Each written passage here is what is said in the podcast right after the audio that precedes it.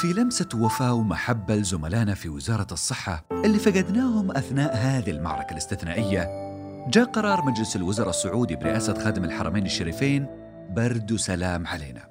بعد صرف مبلغ 500 ألف ريال سعودي لذوي المتوفين بسبب فيروس كورونا الجديد من العاملين بالقطاع الصحي في المملكة العربية السعودية. دعم ومساندة لهم. ما نسيناكم وكنتم حضور بيننا دايم.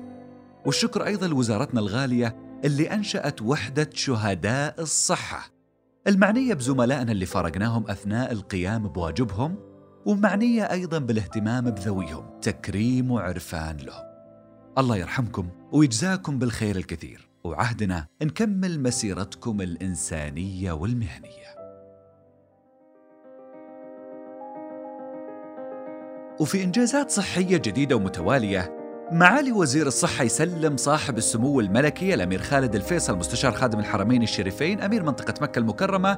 وكذلك أيضا يسلم صاحب السمو الملكي الأمير الدكتور حسام بن سعود بن عبد العزيز أمير منطقة الباحة الشهادتين الصحية للطايف والمندق بعد تصنيفهم كمدينتين صحيتين حتى ينضمون إلى قائمة المدن الصحية العالمية المعتمدة من منظمة الصحة العالمية. وبكذا انضمت هذه المدينتين للدرعية وجلاجل والجموم وعنيزة ورياض الخبراء كمدن صحية معلن عنها سابقا في المملكة العربية السعودية.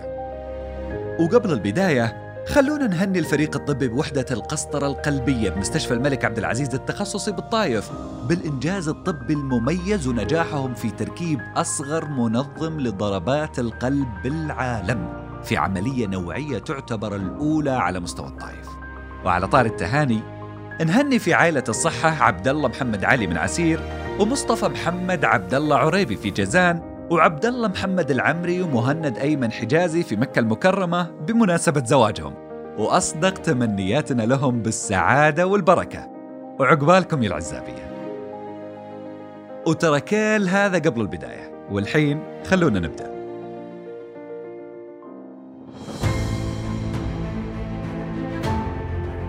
أهلا وسهلا وحياكم الله جميعا مستمعي بودكاست سيروتونين من عائلة الصحة في كل مدن المملكة ومحافظاتها. لقانا يتجدد ويستمر وحنا كل مرة في شوق وشغف أكبر للحلقة. وقبل لا نبدأ حابين نشكر تفاعلكم العالي مع البودكاست وحماسكم للمشاركة فيه. والحقيقة كلنا سرور وحنا نجتمع شهريا في دائرة واحدة حول الميكروفون ونتشارك فيها الأفكار ونتبادل فيها أطراف الحديث.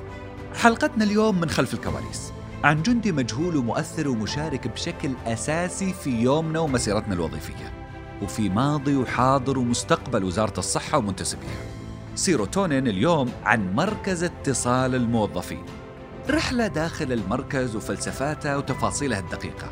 ونتعرف فيه على أهدافه وأدواره الجبارة اللي تتجسد على هيئة واقع يومي مستمر يعيش فيه كل موظف داخل الوزارة. باختصار اليوم حديثنا الأسرار. ومسرحنا الكواليس. لأن في الحقيقة أثمن كنز تملك الوزارة هو رأس مالها البشري وكوادرها العاملة باعتبار أنه الركيزة والدينامو الأساسي لتحريك وقيادة عجلة التنمية والتطوير وبناء المستقبل كان الاهتمام بهذا الكنز مهم مهم جدا. مهم للدرجة اللي خلت الوزارة تنشئ قسم ومركز كامل لاستقبال مكالمات الموظفين بقرار من معالي الوزير عشان نهتم بهذه الثروة. برؤية الريادة العالمية والتميز في خلق بيئة صحية وسعيدة للموظف وحاملين رسالة السعي لتحقيق الرؤية من خلال تعزيز التواصل بين الموظفين والوزارة والاستجابة السريعة لكل استفساراتهم وطلباتهم والعمل على حلها تأسس هذا المركز. صار المركز من تأسيسة واحدة من القنوات الرئيسة اللي تربط الموظفين بالوزارة ونقدر نقول وسيلة المحادثة المستمرة بين عائلة الصحة الكبيرة في كل مدن ومحافظات المملكة. مركز اتصال الموظفين هو جسر يربط بين الموظفين والإدارات وحلقة وصل بين الحاجة وتلبيتها وفي العادة دايم يستقبلون مجموعة من الأفكار والاقتراحات والشكاوى بشكل مستمر بخصوص أي شيء يتعلق بالعمل وسيره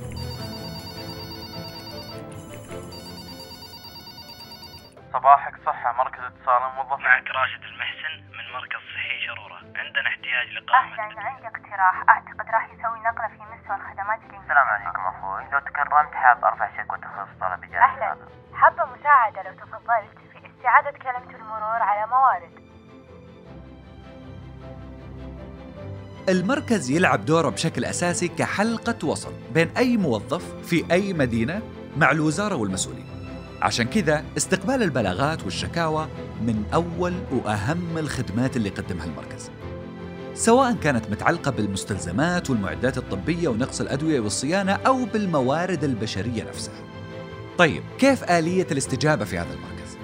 الموظف في المركز هنا يقوم باستقبال الشكاوى وتحويلها إلى تذكرة ترسل إلى الإدارة المعنية. تقوم هذه الإدارة المعنية بدورها بالتعامل مع هذه التذكرة وبعد كذا يتم عمل تقارير أسبوعية ومشاركتها مع الإدارة. وإن وجدت عقبات يتم حلها. وكذلك استقبال البلاغات للدعم الفني مثل تطبيق موارد، بالإضافة إلى الاستفسارات الخاصة بموظفي الوزارة عن المعاملات وحقوق الموظفين وغيرها. خطط واستراتيجيات ضخمة أعدها المركز للمستقبل وأفكار ومشاريع متعددة راح يتم تنفيذها بإذن الله لتعزيز التواصل بين جميع الإدارات لتسهيل وحل جميع المعضلات اللي تواجه الموظف وتحقيق أهداف كثيرة أهمها نرفع رضا الموظفين ونفهم احتياجات المستفيدين مع الاستجابة السريعة وكذلك أتمتة الخدمات ونشر الوعي الكافي للموظفين عشان نمضي قدما لتحقيق رسالة خلق البيئة السعيدة والصحية للموظف.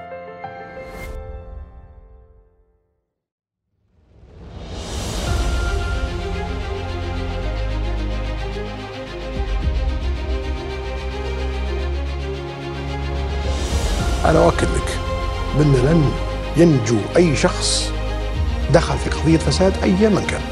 لن ينجو.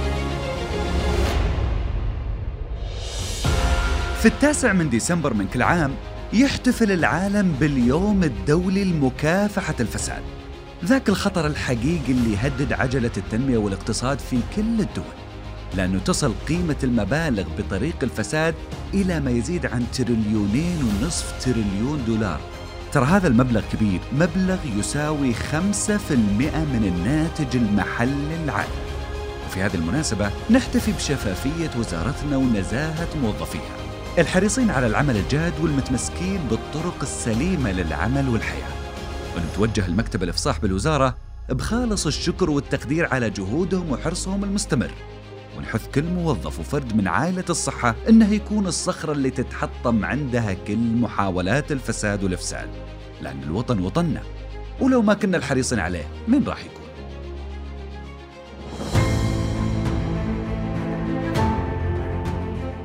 وصلت حلقتنا لنهايتها.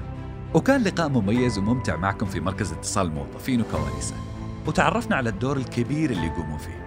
كالعادة يتجدد لقائنا كل شهر في مواضيع جديدة وإنجازات ومعلومات ما تنتهي. وفي كل مرة نتشرف بمشاركتكم وتفاعلكم معنا.